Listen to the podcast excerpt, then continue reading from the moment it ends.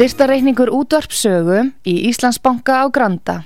Útubú 513, höfubók 26, reikningur 2.11.11. Nánari upplýsingar á útvarpsaga.is. Takk fyrir stöðningin.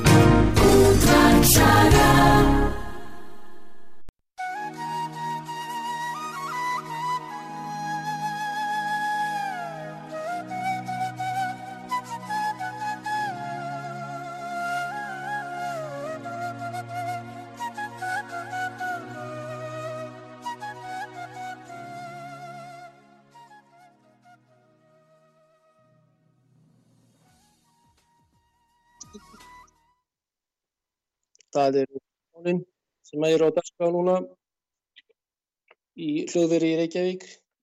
Sita Bjarni Haugsson og Bjarni uh, og við setjum Bjarni Haugsson og ætlar að uh, vera hér fyrir svörum. Sæl. Það er Dagur Jóli og Bjarni, uh, Bræði Reynisson fyrir ekki, hann er tæknumæður í dag og uh, við ætlum að fara hérna já, yfir árið kannski, gera svona árið upp, þetta var merkilegt ár og margir merkilegir hlutir að gerast í heimsmálunum. Þið eru þarna statið félagar, eða ekki, Bjarni? Jú, jú, jú, jú.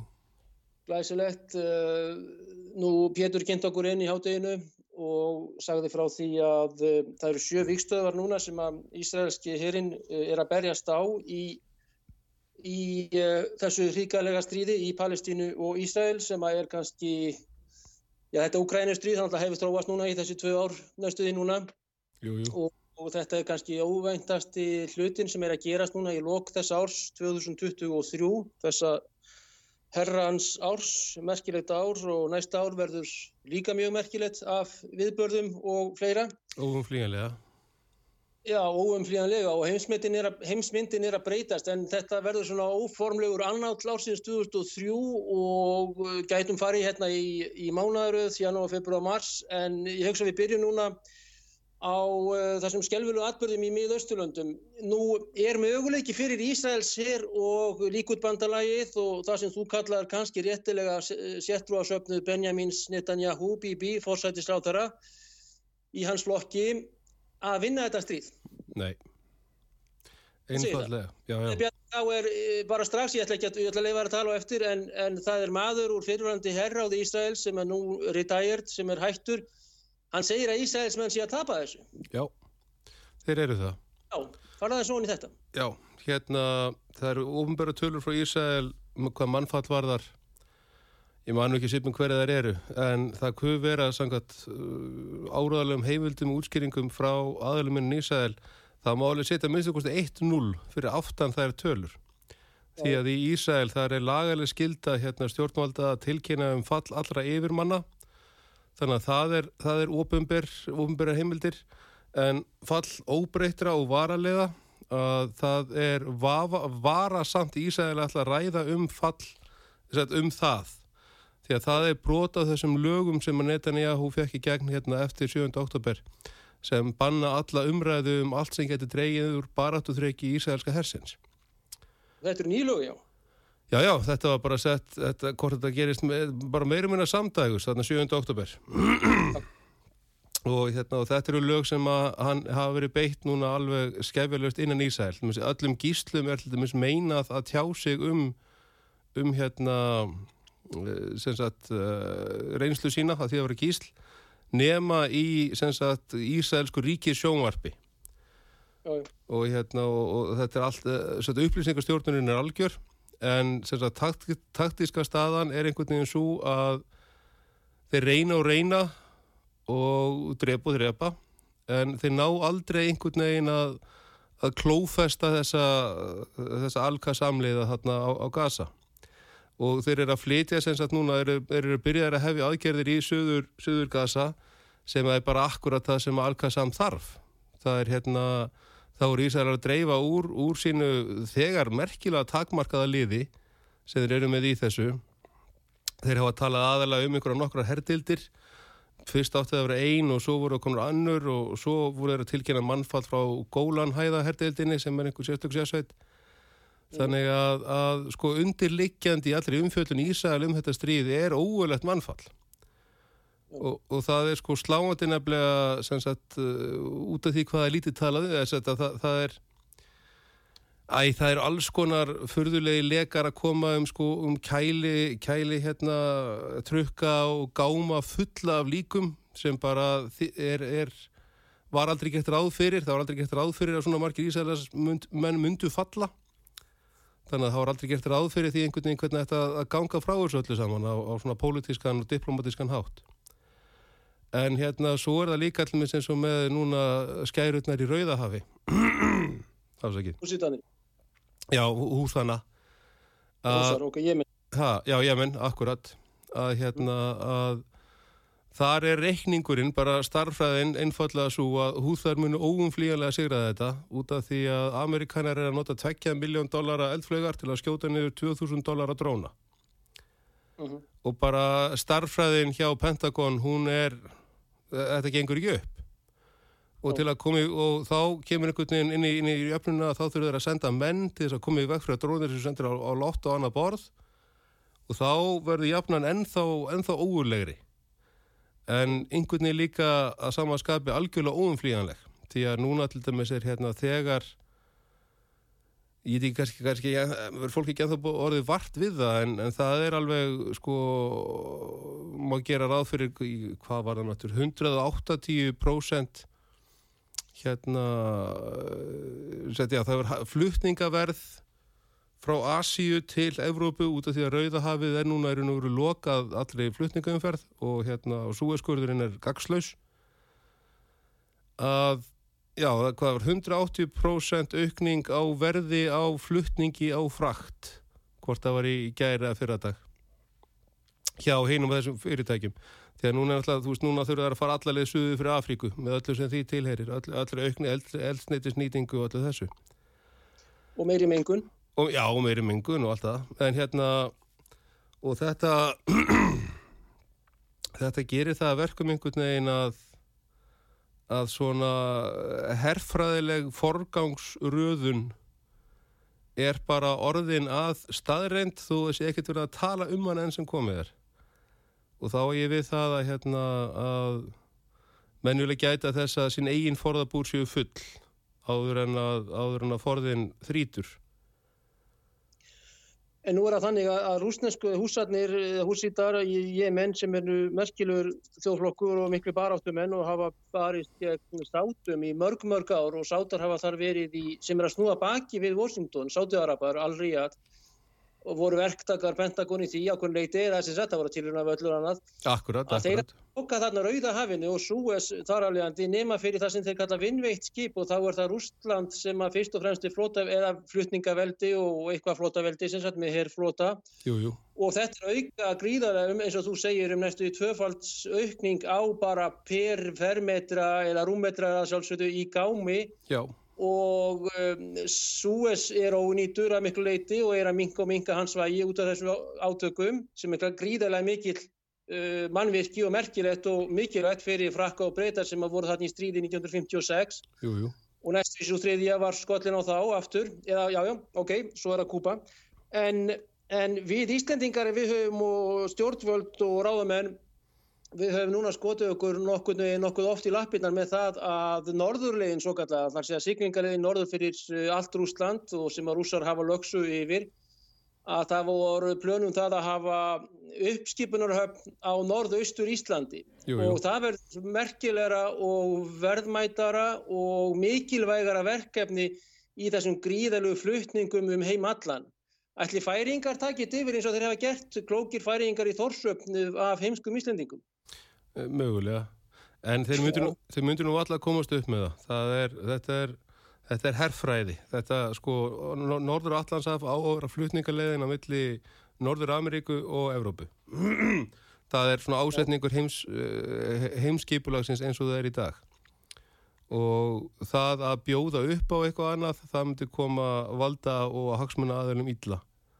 Og þess vegna er það ekki gert. En það, þetta geti verið eina kvötunum til þess það er, það er svo merkilegt með hérna þegar að, já ekki bara pólitíkin, þegar manneskjan er í svona skollaleik eins og mér finnst að íslenska þjóðin og sérstaklega íslensk stjórnmálastjætt hefur verið í bara núna áratugum saman.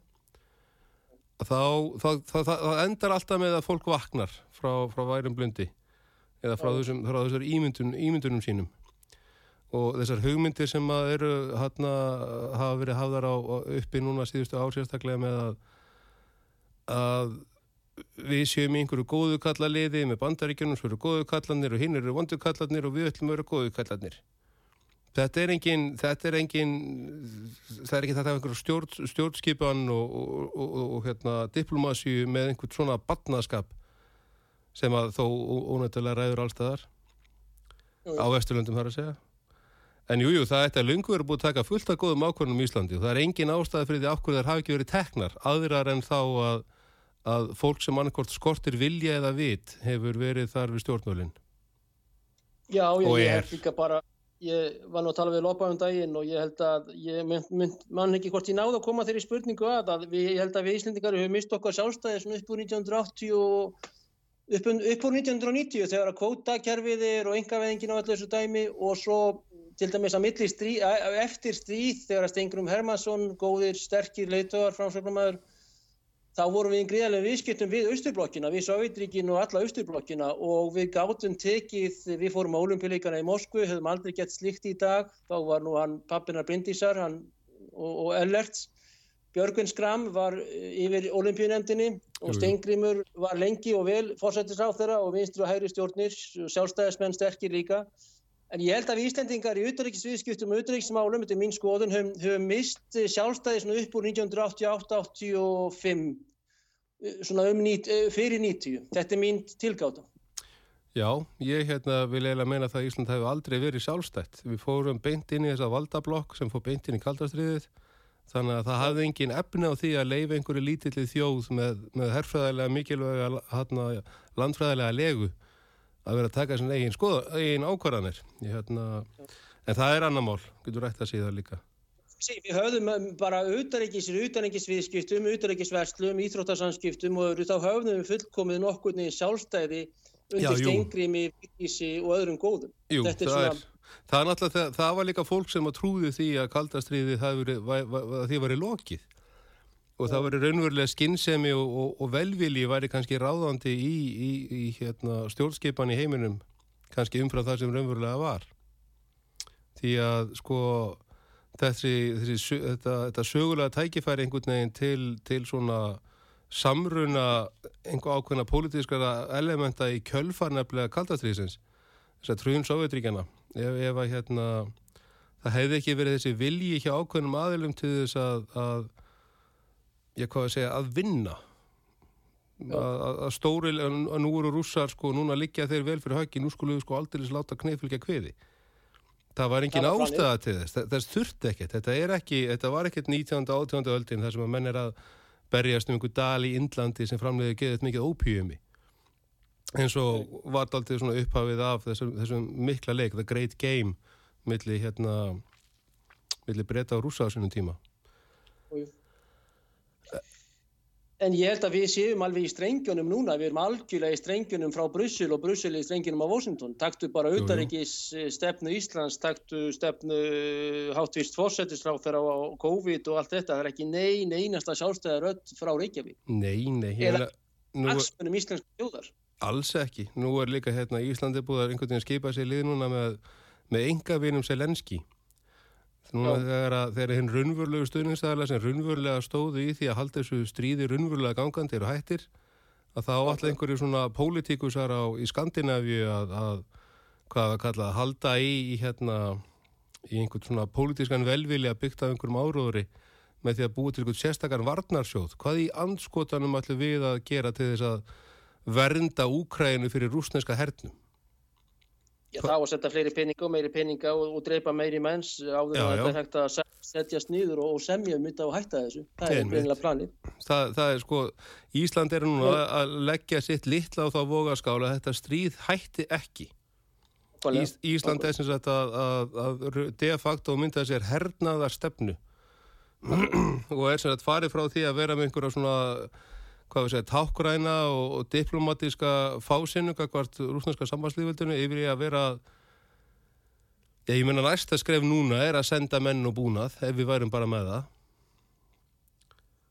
Já, nú eru allar skynsama þjóður í Európu, ég meina að, að hætta eru bara hreinlega ofinberlega ekki undir bakvið tjöldin, það er Slovaki, Ungverland, Ulverarnir, jafnvel Malta, uh, Holland og fleiri löndir eru hreinlega bara að hætta og með ofinbera yfirlýsingar um það þessu hættir að styðja Selenski og, og hans enginlegu stjórnvöld í Ukræn. Einmitt, og það er þetta... Það er Íslandi þann baka á samt Ólafi Sjólds í, í Berlin, í Þýskalandi. Einmitt. og það, það er nefnilega málið sem þessi Európaríki, þessi sem, sem kannski eru kannski reynslu skilningsmeiri í hvernig þetta virkar allt saman að þau nefnilega er að gera, draga línum byrja Selenski í Úkræðinu, þau eru kannski ekki endilega pró-rústnesk, en þau gera sér fyllilega grein fyrir því að hvernig þessi stjórn hafa farið með þessar auðlindir sem henni hafa verið hérna, aðfendar það er bara það er bara fáránlegt. Bara reynlínis, beinlínis fáránlegt.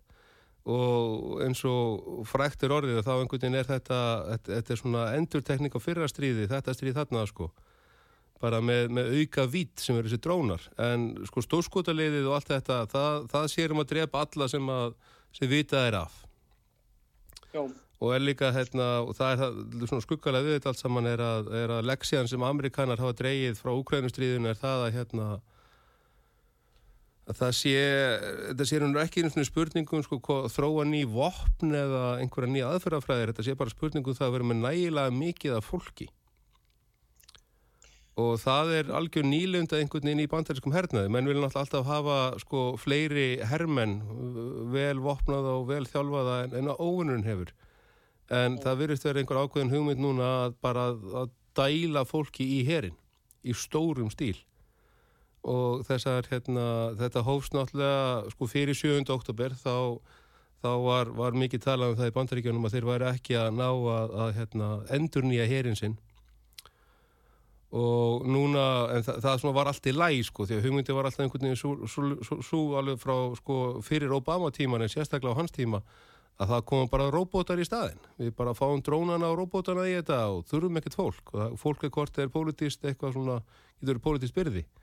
En Úkrænustriði kendið um það að tæknin er tálsinn og það þarf fólk bak við gikkin til þess að láta þetta ganga. Og það er mikill skortur á mönnum í bandarinska hernum núna, er það ekki rétt skilið? Jú, jú, alveg, sko, Men, það, það, mætti hal, það mætti halda að þeir hafi verið að, sko, há, uh, verið hérna halloka í stríði í nokkur ár með að við hvað, hvernig tölunir hafa hrunið hvað það var þar. Ó. En það að hafa er það náttúrulega líka bara á menningarsviðinu fyrir eitthvað nefndilega herrfræðilega séð og einhvern veginn hefur, hefur þetta, þetta þessi ég, hvaðan svo sem áhrifin koma það hafa verið áhrif í bandirsku samfélagi sem að hafa verið á þá vegu að sett kynnslóðin sem að ætti að hafa tekið við vörnum og, og stjórn landsins að hún gerir það ekki. Og það er náttúrulega mjög skilnarlegt í ljósið þess að akkurat einhver 20-30 uh, amerikani að fara að deyja fyrir eitthvað sem er í raun og veru bara hérna Raytheon og, og Northman Group og hvað þetta heitir nú allt saman BlackRock og aðrir grimmar Akkurat, það, það er ekkert annað þarna. Uh, þessi, þessi fáni er, er dula eins og eins og margir aðrir. En hvernig nú er mikið skortur á sem sagt uh, mannskap í Úkrænu og þeir eru núna fartin að taka inn uh, já, fólk sem er bara mjög fatlað og eineitt og alls konar sagt, nýjar kategóriur sem, sem að, að úkrænski herin er farin að, að leifa að, að, vera í her. Já, já. og fólk sem geta koma nálat slíku og konur eru farnar. Ég meina hvernig getur þetta endað? Og, og þessir, það voru einhverju sjálfbúðaliðar sem að fóru í já, sjálfsmórtsleiðangrar hreinlega, í, í norsku smáþorpi var helgistund og, og sálfræði hjálp vegna þess að ungu normaður fór þarna og, og drap, let drepa sig eða dó Vavalust hefur haft já, einhverja hugssjónir á þetta, drepa rúsa í vestur Úkrænu, Östur-Úslandi, þar sem eru rússar fyrir langmestu leiti. Ég meina hvernig getur þetta endað þessi, þessi átök og hafa rússar fullkomið frumkvæði í þessu og er það í rauninu þannig að þeir þá geti endað bara hreinlega hvar og hvina sem það vilja á þessum leik sem er orðin svona frekar líkur kottur mús núna? Ég held, ég held það. Hérna, ástandi núna í Júkrænu sem sagt, það er rússar ráða því að uh, sko það hendar þeim ágætlega núna að leifa einhvern veginn uh, anstæðingum sínum í þessum hildarleik að finna fyrir vannmætti sínum. Já. Að, hérna, og það er óþær að vera fórnið einhverjum, það myndi, myndi kosta kannski 15, 15, 16 kannski 50.000 menn að taka Kíaf á þessu tímapunkti en þeir myndu gera það. Það, var, það, er, það er ekkit eftir til að stöða það í sjálfu sér. En það sé svona raun og veru betra að leifa hérna, þessu þarna að spila út. Það er allir raunverulegu stuðningur við selenski stjórnina er horfin, það er hérna hann er með þetta ógnarbatteri, þessa öryggislögreglu og þessar hérna þessar eh, sveitir og þessi element sem að rauðsut til valda í, í einarblei kringum þetta valdarán 2014 sem að eru náttúrulega í sama báti og hann. Að, að það, það, það, það veru hver svo sem hérna tekur við jafnvel þó að Úkræna myndi að lókum einhvern veginn sigra þá eru þessi element munum verið gerð ábyrg fyrir því. Sem er Zelenski og, og Innaríkis aðhóniti en að hérna að þetta sé svona fyrir Putin núna að þá er hann með í einhvern veginn svona ákveðinu stjórnari stöðu ákveði mikið af aðtikli eh, hins veldisins, ég ætla ekki að kalla það óvinn endilega beint en hérna það átt að koma á þá höggi og nú eru þeir svona búin að snúa því höggi upp í, upp í stöðu sem hendar þeim. En þegar það hendar þeim ekki endilega ganga frá því strax að loka þessu er leifa að hafa, svona, hafa þetta aðeins opið. Og kannski ég, ég, þá sem að gríðala mikið hérna auglýst að, að hún var í júnimánuði í sumar að The Great Counter-Offensive hétt hún og var mikið auglýst og tilkynnt og gríðalar vonir bundir, bundnar við hana og það voru hérna vestranir mjög hátsettir NATO-menn frá hinum og þessum og ólíklegustu NATO-herjum í Mariupol til dæmis í, í Azovstal, þeim katakombum sem ég hef komið í nokkur sinnum og mjög merkilegt að koma og öllu því að hún er algjör, hún er algjör, herrfræðilega séð og bara objektíft, bara hlutlaust og hlutlægt eða hlutlaust á sjálfsögðu, þá er hún, fór hún út í sandin og, og gerði það nokkuð fljótt. Já, já, sko, þetta frá, frá svona, hvað, já, herrfræðilegum vangaveltna sjónarhól, orðan þannig, að þá er þetta þá var þetta satt, hugmyndin svo að hérna að núna gætu þeir raun og veru hafið einhvers konar svona salamiseringu. Þetta er hérna hugtak frá því í kaldastriðinu þegar menn voru að hugsa um sko hvernig myndu sovjetmenn gera innrás í, í hérna Evrópu í, í, í raun og veru til þess að fóra skjarnagustrið hvernig myndu raun og veru gera þetta? Og þá var hugmyndin svo bara með hefnbundnum hernaði sem sagt, já. Já, þess að þá var hugmyndið svo að þeir myndi senda hérna, þeir myndi senda undiróðursfólk alltaf í vestur og það vera, og það myndi búa til skapa hérna félagslega og pólitíska óreiðu sem myndi skapa hérna óeirðir og þá myndi rúsneski hérinn koma til þess að, að friða landsvæði, það myndi koma til að tryggja frið. Alltaf okay, til að tryggja frið.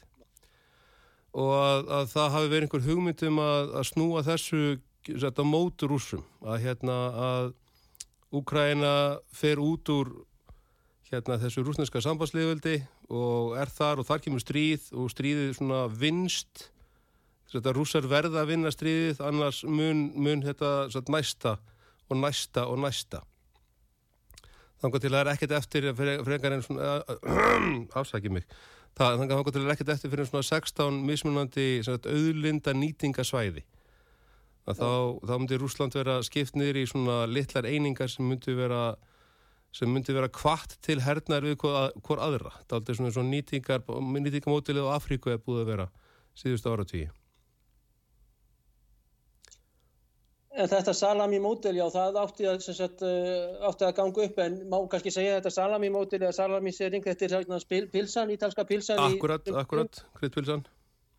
Já, já, akkurat, á pitsur og fleira ég meina, er þetta, má segja Salami án eftirvill aðstúða rúsa núna, því að KGB náttúrulega var KGB SR án FSB rúsneska sambandsvíkisins í dag er þessi salamisering að eiga sér stað í Evrópu ef við horfum fram á gríðalega innflutning, við horfum fram á fát, fátakt sem er mjög aukandi, við horfum fram á elitu. Óneitanlega. Horfum fram á óánægu og slagsmál óverðir í fínustu borgum Evrópu nokkur neginn mánadarlega. Já, já. Þetta gera sig bara sem þá búmirang í nakkan.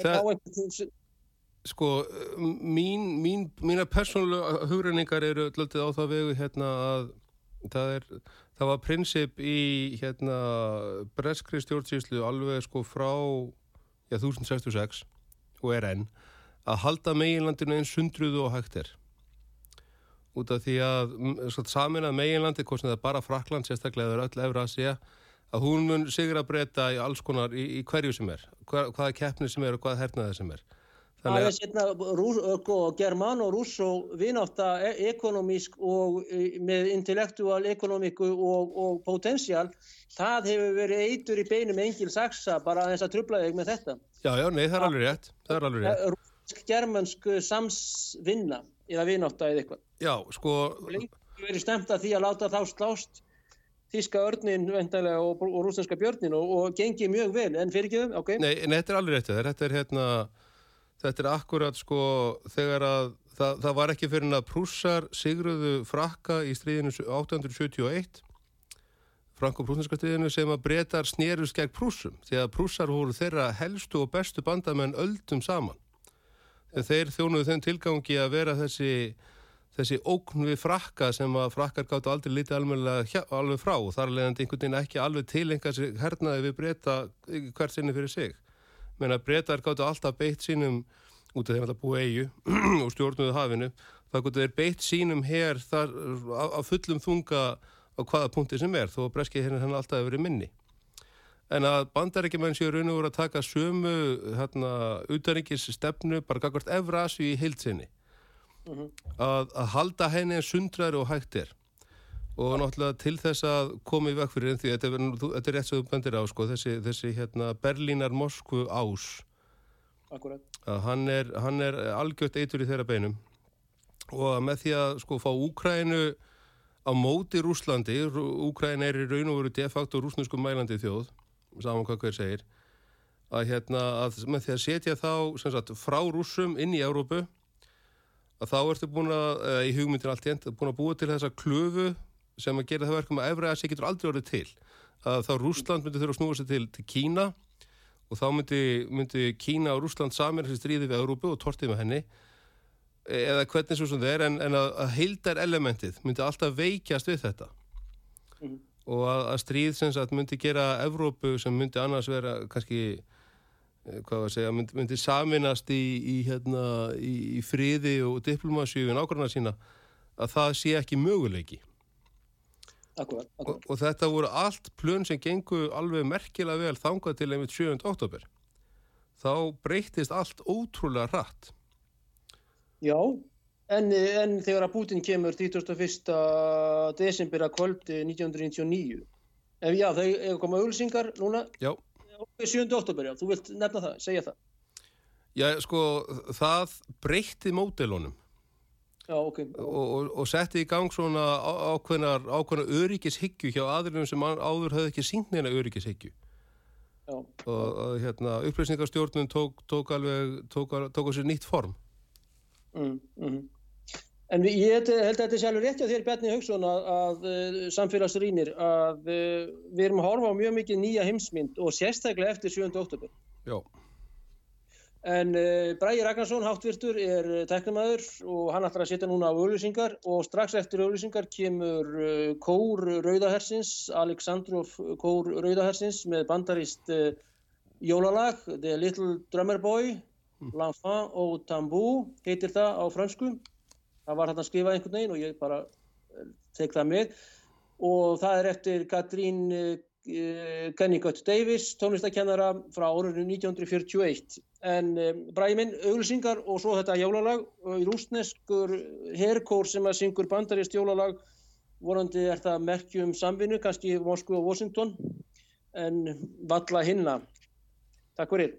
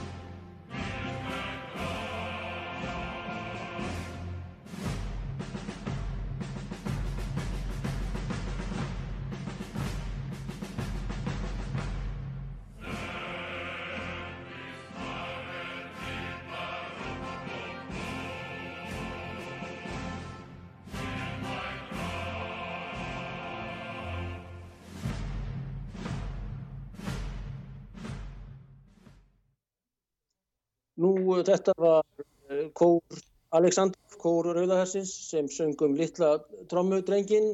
Þetta tekstin var á ennsku The Little Drummer Boy með rúsneskum hreim. Það er bandarist lag frá 1941 eftir Catherine uh, Kennicott Davis sem var tónlistakennari eftir vill einhver starf djúft í hinnum merku 50 ríkjum bandaríkja, Norður Ameríku.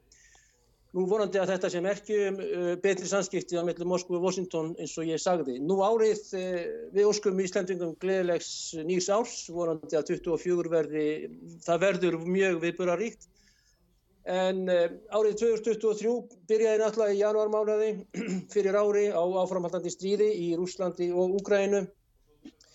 Þann 7. februar verður skjálfileg skjáltar í uh, söður Tyrklandi og norður Sýrlandi. Þar létust uh, 59.000 manns, 50.000 í Tyrklandi og 9.000 sýrlendingar. Sagt var að Rauðikrossin og aðrar stofnanir hefðu ekki sendt hjálp til Sýrlands, vonandi er það ránt. Allavega hjálpa Ísland Tyrklandi. Nú, uh, Elisabeth Önnur breytadrottning dó í uh, apríl, Karl, Karl III tók við í byrjun mæ, uh, jarðskjáltar eruð einni í Marokko, nú jarðskjáltar hafa verið á hinn ágæta Íslandi og, og eldgós og ég sá á heimasíðu sögu áðan að það var að við landur ísi á svartsengi þannig allt getur gerst núna rétt fyrir nýjár aftur. Já, já. Akkurat, nú í sjötta mánuðinum í, uh, þá varu þessi mikla gags og knúklæðinumanna sem uh, virðist því miður fyrir þá og NATO-fólk uh, vera og hafa runni út í sandin. Í september ríðust að Asirar inn í Karabakh og armenar hafa þurft að láta í minna haldi lægra haldi og, en uh, Nikolai Pashinyan uh, er mikill vinnur og óvinnsæll en hann er mikill vinnur fólksins í Brussel og Washington og hefur tapað uh, gegn Asirum sem er virkilega eru sterkir þarna á samt Tyrkjunum. Nú dagsetning ársins eftirvill er 07.10 þar að segja lögadagsmorgunin 7.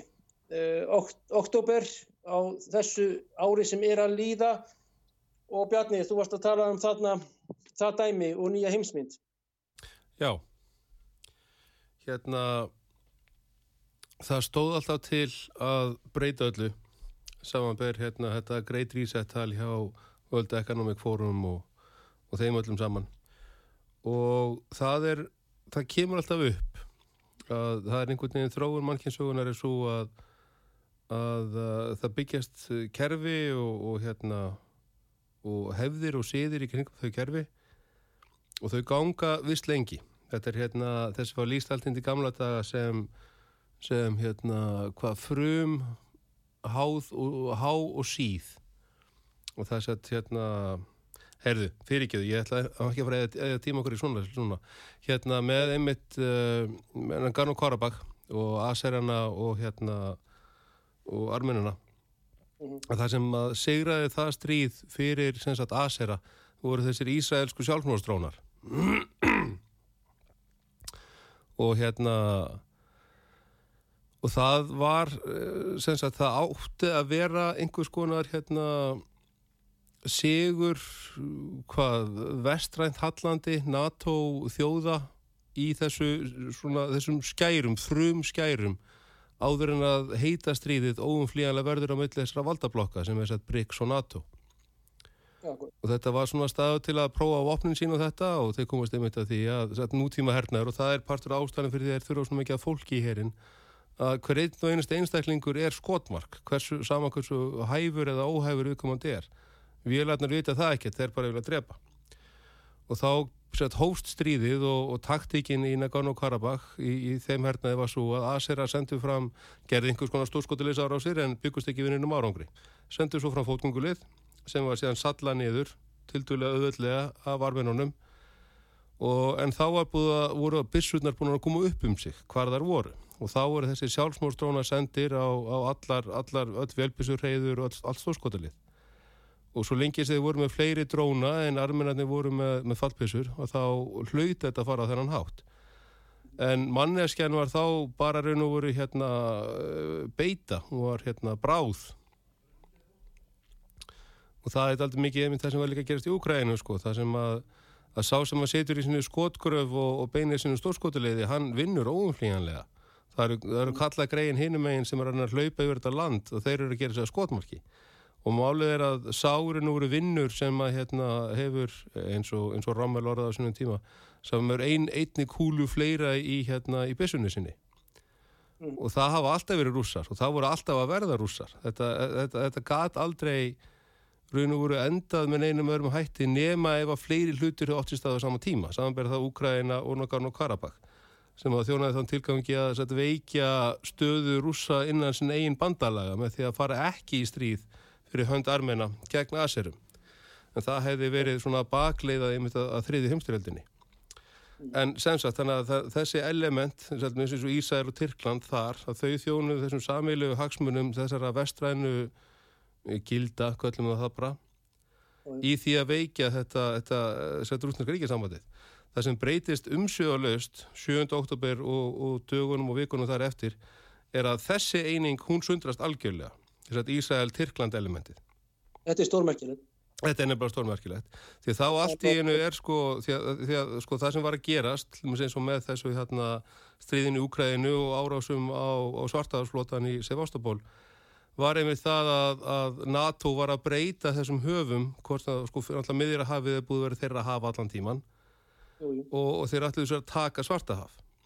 Akkurat. Og, hérna, og það sem að gerist allt í einu eins og hendi sér veið var þeir missa Sko þeir missa náttúrulega ekki, ekki enn sem komuð er, Tyrklandi er ennþá í NATO og allt þetta, en allt í einu er þetta element sem stjórnar þessu sko, botnið miðjarahafs og svartahafi, aðkonga svartahafi, að það element er allt í einu ekki lengur áraðanlegt fyrir þetta vestræna, vestræna batteri. Heldur, heldur er að taka upp orðræðu og hugmyndaf, eða ekki hugmyndafræði fyrir ekki, orðræðu og svona, hvað var að segja, hugmyndanótkun bryggsríkjana og þá allt í einu sko þegar það sem búið að kljúfa sem sagt þegar að ef Tyrkland fer út úr þessu samstarfi í Ísrael að þá er leiðin fyrir NATO-ríkin að Ísrael orðin dalsett lengri. Í þeim skilningi ef þeir þurfa að fara að forðast NATO, nei forðast Tyrkland sem einhverju ógn, því að Tyrkneski flotin og Tyrkneski flugurinn og allt þetta þeir hafa núna í áratugum saman, þetta var þeirra haf, þeirra podlur hérna þeir eru óttumanríkið og þeir hafa ekkert endilega gefið þær hugmyndir upp á bátin en núna er það er að gefa slíkt í skýran við núna sko, já, já. Já, já, já, og núna nefnilega er sko bara, bara eins og fyrir, fyrir hérna hvað 200 árum síðan eins og diploma síðan var þá sko. Þá, þá skiptust menn á því að vera í, í hérna, stríði við Tyrki eða stríði við rúsa stríði í rúsa, stríði í rúsa með Tyrkjum eða stríði við Tyrki með rúsum sem sagt hérna Frakland og Breitland og þessi er bara eftir því þú veist hvort henni vildi veikja meira. Og, og nú, já. Þa, það er þessi söguþekking sem okkur vantar svo hrigalega Bjarni Haugsson hjá þessum sérfræðingum og fréttamannum og öðrum á Íslandi. Sko þeirra eh, level, þeirra vitsmjörnastíg og þekking á sögu er alveg hrigalega. Já, já, þeir eru fullkomna, fullkomni afrakstur þessarar uh, þjóðfélagsmótunar og stjórnunar kerfa sem að menn voru að finna upp hérna og upp fyrstu áratugum nefnilega 20. aldar. Og það er þetta fólk sem að, sem að er svo vist í sinnisök að það áttast ekki á að það hefur einhver upplýsingar. Nákvæmlega. Þetta er alveg svolítið skandallin og, og útvarpi, ríkisútvarpið og já, já. En, en já, já, já, það er bara barnaskóla stíð er, er komið upp í, upp í hæstu háskóla, sko. Jú, jú, það er... Alveg fullkomlega grínlaust. Fullkomlega grínlaust. En þú ert að tala um BRICS og NATO. NATO náttúrulega eru 31 ríki og eftir við svíjarnir, uh, þeir fara þarna að finna innfara í april á þessu ári. Og BRICS er Rúsland, uh, Brasilia, Rúsland, Indland, Kína, Suður Afrika sem að fer öllstækkandi. Já. BRICS er núna með 46% uh, heimsbúa en G7 ríkin, þar sem að voru ekki í átta, rúsar fóru þar út og eru reknir út, eru með 10%. NATO náttúrulega eru þessi ríki, þú minnist á verðandi og hugsanlegt og óumfleginlegt stríð bríksríkjana og menn þurfa að fara að leggja þetta minnið bríksorðið sem er einlega bara á sögum. Já, já. Uh, akkur, og já, alveg rétt. Og inn í bríks eru núna komin hérna Egiptaland, uh, Íran, uh, samennuðu arabísku fyrstadæmin, Eþjópia og ekki síst Sáti-Arabia mm. og inn vega eftir að Javier Milei tók við er það Argentina og nákvæmlega Brasilia er náttúrulega þarna með. Uh, þannig að getur aðeins líst þessu og bríksríkin þau segja að neoliberalismi sem er ný uh, frjálsökjustafnan sé það sem er að fara með og þeir segja að tala um kreppukapitalismans og annað en getur aðeins út, útlýsta þetta verðandi og hugsanlegt og kannski óumfríðanlegt stríð millir NATO og bríksríkjana Já, það sko það er nefnilega eitt af því sem að þessi stefnubreiting þarna fyrir botnum miðurahafs að hún hún skiptir mun meira máli um til því samhengi en maður skildi ætla. Mm -hmm. því að hérna að uh, það var engin endilega velvilji, ég menna jújú í Rúslandi er náttúrulega hellingur af, af, af muslimum og Rúslandi er svona hérna uh, vilhalt heim sem eru vinir þeirra. En já, já þessi, þessa friðar, eh, þessa sáttu umleitanir ísælska stjórnvalda við stjórnvaldi í ríkjunum kring, þau voru að ganga mjög vel og miðausturlönd voru þau voru að fara að vera kannski vígvöldur Bryggsríkjana og NATO frekar en nokkuð annað. Já. Já, bara eins og Sýrland er búið að vera núna, ég er ekki 2013 sem að hlutir hófust þar. Æ, ég man... Og, og þessi fljómsveit Rauðarhessins hún fórst 2016 þegar þau voru að fljúa til Hermanna í, á tónleika í Sýrlandi. Akkurat, akkurat. Það var eftir nýjað hann á eiga hellinga góðu músiköndum rúsar. Já, og og með eins og ástæðan, sko, ef maður mað lítur bara herfræðilega á hlutina, þá er alveg, alveg merkilegt hvað það er mikið að bandarskum herstuðum hérna í kringum, Írak, nei, í kringum Íran. Mm. Og, og hvernig þessar herstuðu, allir eins og þarna, er mynda línu, liggja alveg frá hérna eila persaflógu norður í, í Sýrland. Og ja. akkur í óskupunum var kanin að byggja allar þessar herstöðar því að þetta eru, sko, eru svakali mannverki eins og með því fyrsta sem hann byrjaði að gera þegar hann var búin að taka Írak.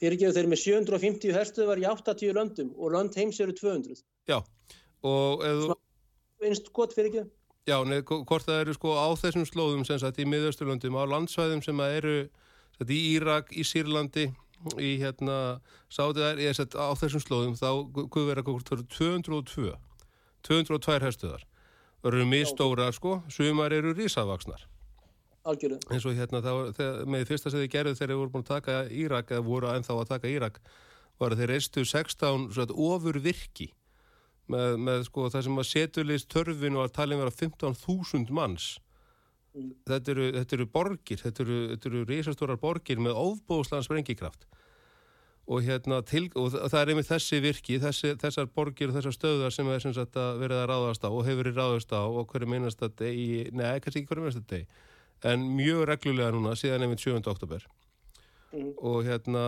og, og, og það er í bæði er það náttúrulega tjáning sem sagt hvað við segja, anda amerískar abla innan Írak sem að eiga svo sannlega rétt á sér og, og hérna og þess er að síja klerkastjórnarinn í Íran. Að, að, það, að það, það, það er sko sagt, þjættnin í einhvern veginn í, í báðum elementunum, í bæði BRICS og NATO hefur stór aukist sem sagt núna, sérstaklega eftir 7. oktober og þá mun meira BRICS megin. Út af því að sérstaklega náttúrulega sko ef að Ísrael er að fara að tapa stríði inn í Ísrael við eitthvað element sem á ekki geta barist og bandar ekki menn horfa á að þá er allt í einu allt, allt garantí hérna hvað við Philips segir og Suðurkóri og Japan og, og allt þetta, þetta Asíu element, það, það er einhver de facto bara farið. Akkurat, já, ef að, ef að, ef að sko bandar ekki menn horfa á Ísæla tapa þá er engin á Filipsegjum og engin í Suður Kóru og engin í Japan að fara að gera neitt annað en að leita leiða til þess að friðmælast við stjórnvöldi Peking 1, 2 og 3 og Moskvu líka, minna Bríks er vaksandi veldi sko. og ég held að sé rétt sem að sérfræðingar hérna og ég held að Láru og vinnum minn hafi sagt það og það er bóð hjá honum fljóðlega að uh, lönd og þessi ríki þarna í þessum stærri og minni ríki í Evrasíu og jafnvel Suður-Ameríku og Afríku líka eru að leita til rúsa og kínverja sérstaklega og bríkslandana vegna þess að menn er að leita sér að bandamönnum og vilja í framtíðinni vera með söguvegarum. Já, já. Er þetta þetta hjá Sergei Lavrov uh, og eru bandarækjumenn og Ísraelsmenn svo er þetta sagt líka að stríði núna millir Hamas og Ísrael sé bara bandarækin Íran í vasaútgáfu í, í smerri En er þetta rétt hjá Lavrov? Já, já, það er það. Þetta er, Það er það. já, Þetta er bara líka, sko, þetta er, þetta er daldið svona spurningum sem er, uh, hvað hugmyndafræðileg kerfi. Að á Vesturlöndum þá, þá eru búin að vera í gangi hugmyndafræðileg kerfi sem eru búin að ganga sér til, til hérna, æ, hvernig var það maður þetta? Ganga sér til húðar. Þurðar, húðar, já, Já, akkurat. Þannig að með eins og þetta með, með, með, með hérna, kapitalisma. Hugmyndinum að frjálsmarkaður sé eitthvað sem að hérna, muni í sjálfu sér laga kjör fólks út af því að bla bla bla. Já, já, það geti alveg vel verið ef það væri til einhver frjálsmarkaður. Það er engin frjálsmarkaður og hefur aldrei verið. Já, jú, einhver tíman hefur elvist verið frjálsmarkaður. En ég meina, eh, sko, eh, það að nota hugtök sem að sem hugtök, sem orð. En þau, það hefur ekki verið neitt de facto bak við þau eh, sko, áratugum saman. Og nú er þetta ný nýfrjálsíkjan. Ný, Já. nýfrjálsíkjan. Sko, sem, sem að ennabla er einhvern veginn Nýfrjálsíkjan. sem að er bara orð sem menn nota yfir það þegar að kleptókratarnir eru búnir að vinna. Og sko, ég er ekki við sem að eru kallað ný frjálsíkja hérna í Róm og, og, og Aþenu í gamla daga, en, en, en elementi var alltaf það sama. Það er svona Já. st- stjætt, gagslausra auðmanna sem að hagnast óbúslega á stöðuleikanum sem að, sem að samfélagi býður upp á verða sér út um pólitísk völd í ljósið þessar ek ekonomisku hagsmuna skara meiri þá skara eins mikil völd að sínum hagsmunum er mögulega geta hunsa restina samfélaginu þannig til allt rastlið hættir bara að virka. Og þannig nefnilega hrundi Róm. Það var ekki þegar einhverjir, einhverjir hérna, germanskir barbarar komu og, og, og, brendu drastlið, Þa, það, það var ekki til varnar. Það, það hefði engin áhuga á þessu lengur. Þetta er sama ástand og er í Európu núna í dag. Það Og það úrkynjunin líka, úrkynjun Rómavældis. Þetta helst allt í hendur sko. Þetta er nefnilega hérna, þetta er svo merkilegt sko að þegar að þegar að svona hvað að kalla það, það sem myndi í dag vera að kalla sko grimmur, grimmur kallmaður með, með toksíska kallmennsku hann smíðar einhver kerfi og drasl sem að virka bara de facto og logistist séð, þau bara fungera þau eru ekkert falleg, það er ekkert gott við þetta en þetta gengur upp út af því að það er einhver hugmynd önnur en það sem að hendar mér. Sem er bara eins og í þessum, þessum heimsveldum hvort sem þau kallaða Róm eða Mongóli þetta þetta eru hugmyndir sem að, sem að umbreyta hjörtum og hugum fólks á ákveðin hátt. Fyrst kannski með ákveðinu upphafning og ákveðinu hugmyndum og síðan með, með nýðurriðum og nákvæmlega sömu hugmyndum.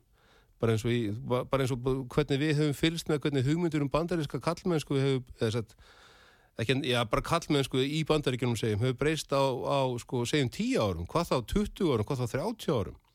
Ég meina, ég horfði á John Wayne hérna í gamla daga þegar ég var krakki og þá þótti það fínt. Nú er öruglega, er, öruglega de facto búið að banna allt sem að sá maður kom nærri.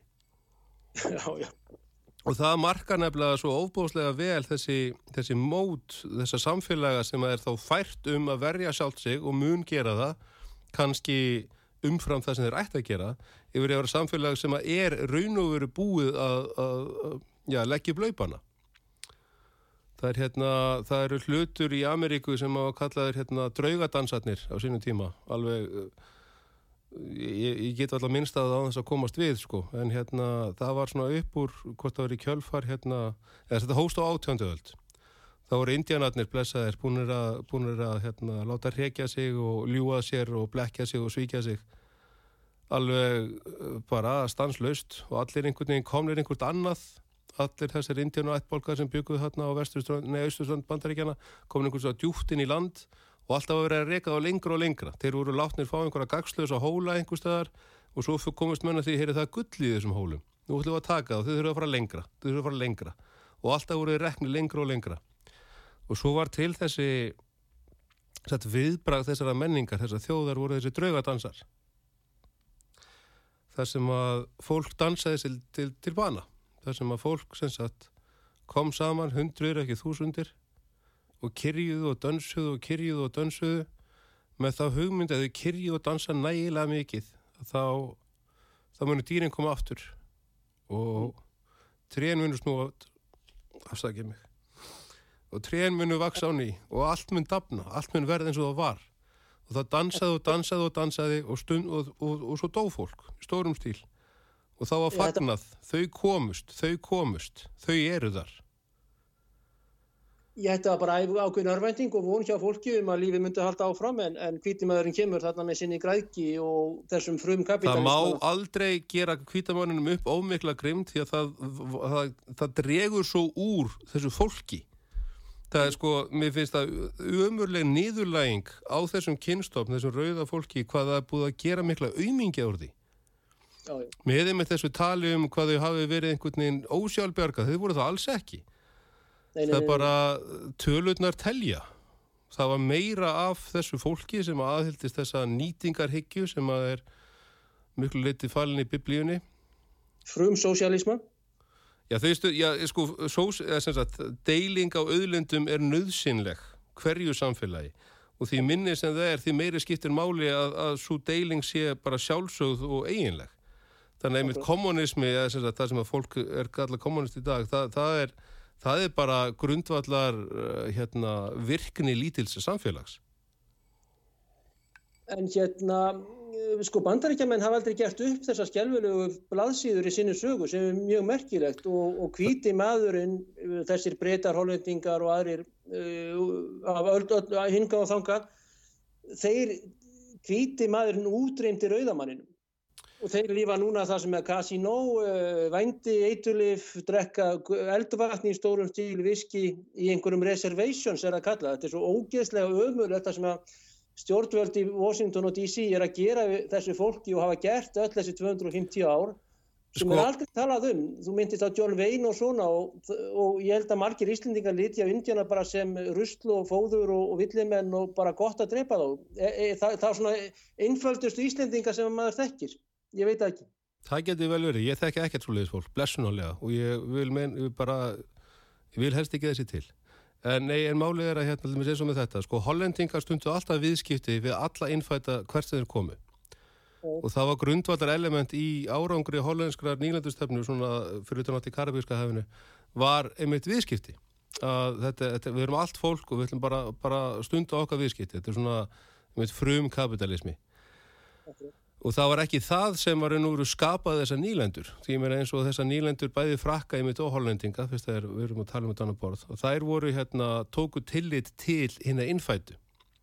Já, já, já. Og hérna eins og, eins og varð frækt í Frakland á sínum tíma að hérna einn það var franskur herfóringi í, í, hérna, í Kanada sem að gekk til orustu klættur á hátt indjána og þessir, hvað héttu þeir, sjó, nei, nei, ég ætlum ekki svona að fara að segja það sko, að það var ákveðin stjætt innan franskra hérna nýlendina sem að voru sem sagt, voru, voru hávegum háðir, sagt, blendingjar og, og, og menn sem höfðu verið teknir af indjánum og snúið tilbaka í franska menningu. Að frakkar reyndu að, að mynda nýja menningu sem sagt, þeim tækið tillit til kringustannan eins og þar voru en hérna fyrir bretum hins vegar að þá voru nýjöndunar alveg tilvarinn staðu til að senda allt þetta óþægilega fólk. Sem sagt hvort sem það eru fólk sem trúðauru eða, eða var, voru írar eða skotar eða velsverjar eða aðfylgdust einhverjar hugmyndafræðir aðnar en, hérna, en enska yfirbúraðhyggju að það var bara flutt í stórum stíl og þá myndast þessi ofbóðslega sko, hvað að segja þjóðverðslega pressa því að þarna er fólk sendt í stórum stíl og því er sagt, sko, heyrðu, svo er þetta bara endalust á landi og þið getur bara farið og gengið eins og þið viljið. En hvað þið getið þeim alltaf ekki, það er fólk þarna sem býrið þarna. Og já, en hérna... Uh, Þessum er þetta bandaríski karakterinn, bandarískur þjóðarenginni í dag er gríðilegt frelsi og frelsistrá og svo gríðilegt græðki og grimtur líka. Já, og sko, og frelsið er til þess að vera grimmur. En ég segi það nú kannski ekki. En hérna málið nefnilega með, með þessa Uh, eina af ástæðum byltingarnir í bandaríkjum sem tíma það var hérna 1776 það var ekki endilega að það var komin einhvern nýjum skattur það var það að, sagt, að, að ennska krúnan, hún virti samninga sína við Indjána um það að kvítumæðurinn færi ekki yfir í Ohio-dalinn færi sett ekki yfir hérna Appalachia fjöllin yfir, í, yfir, á, yfir á þeirra landsæði, Kentucky og Ohio. Og breski herin, hann var verkfæri breska konungsins að viðhalda þessu, þessari hérna þessari hérna þessum samningum. Og það að rjúa þessa samninga til þess að gera þessa dali opna fyrir hérna kvítamanninum til þess að hann geti uppfyllt sitt svona kristilegu skipun um að far fram og fjölgið yfir að það var miklu meira ástæða fyrir því að menn börðust í stríðinu það er engin að fara að, að drepast og deyja til þess að, að hérna, Benjamin Franklin og Thomas Jefferson spari nokkra skildinga á frímerkjónum sínum eða spilunum sínum Við erum að tala við Bjarni Haugsson, mm. uh, já, sakfræðing og þjóðfélagsrýni, uh, algjörlega.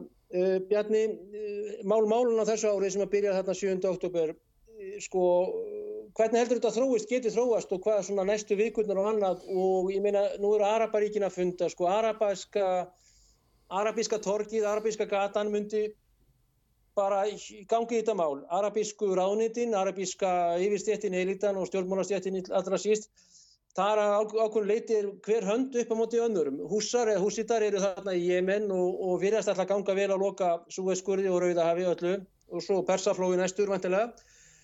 Uh, nú eru búið að drepa þarna uh, 10.000 börn, uh, konur miklu leiti, 20.000 palístunum en 52.000 særðir.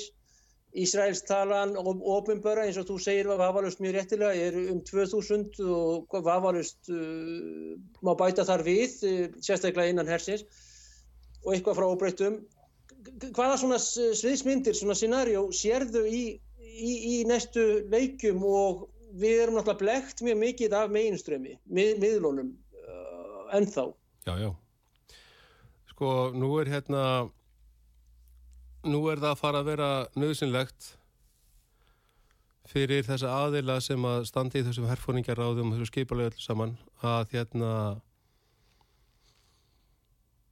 já, annarkort sína fram á þann vilja að hefja þriði heimsturöldina og þá þar er lendið þá síðustu eða ekki það er hérna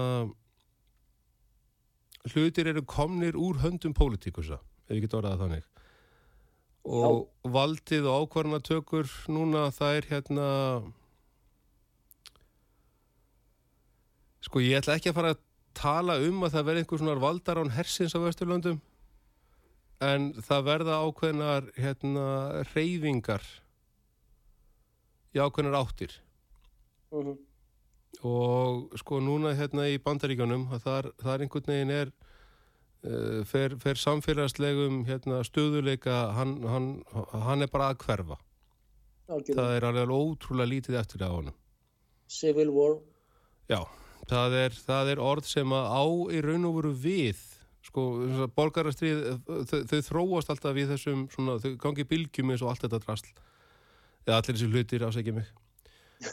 Að hérna þau byrja með svona létt, það sé kannski endilega á milli hvort, hvort, hvort áviðum glæpa öldu eða borgarastríð svona til að byrja með. Og, og fólk, fólk skiptist á að drepa hvort annað venjulega og hérna og svo eru hluti konum vist mikið stig að einhvern veginn ofbeldið er orðið það kerfispundið og almennt að fólk fer að fer bara að líta á vopnabur sem sjálfsagðan hlut sem að er Já, búið að vera... Stáum sem að skapast og eru komin jafnveg íslenskum stórborgum en tímin er vist því miður Bjarni högst að renna út og við verðum að reyna að klára þetta einhvern veginn aftur. Jú, en þú minnist á þessa, þessa þetta lobby hernaðar hérna hermana og örgis það er bara brefið frá þessum 33 fransku officerum sem er allir hættir störfum sem að vöruðu við þessu í Fraklandi sjálfu. Þetta er að gerast í Þísklandi og menn hittast einhverstaðar menn sem eru lunga hættir í hernum orðin 80 ára í dag og vara við þessu þessa makróna og yngri menn. Já, bless, haugum minn, það er hérna, það er til samansapn af brefum skrifað af gömlum breskum hermennum sem börjur til setnastriði sem að innihalda hugmyndina allt í end. Einhver orðað þannig mikið vildi að Hitler hefði komist og aðrir segja ég hef, ef ég hefði vitað þetta þá hefði aldrei barist, ég hefði aldrei farið úr bátnum. Þannig að já, það er sko, já, já. sko mennirnir hetjurnar sem að, sem að byggu til þessa, þessa síðustu áratvíi mannkynnsögunar að þeir yðrast sáran þeir, þeir eru þeirra sem er ennþá lifandi.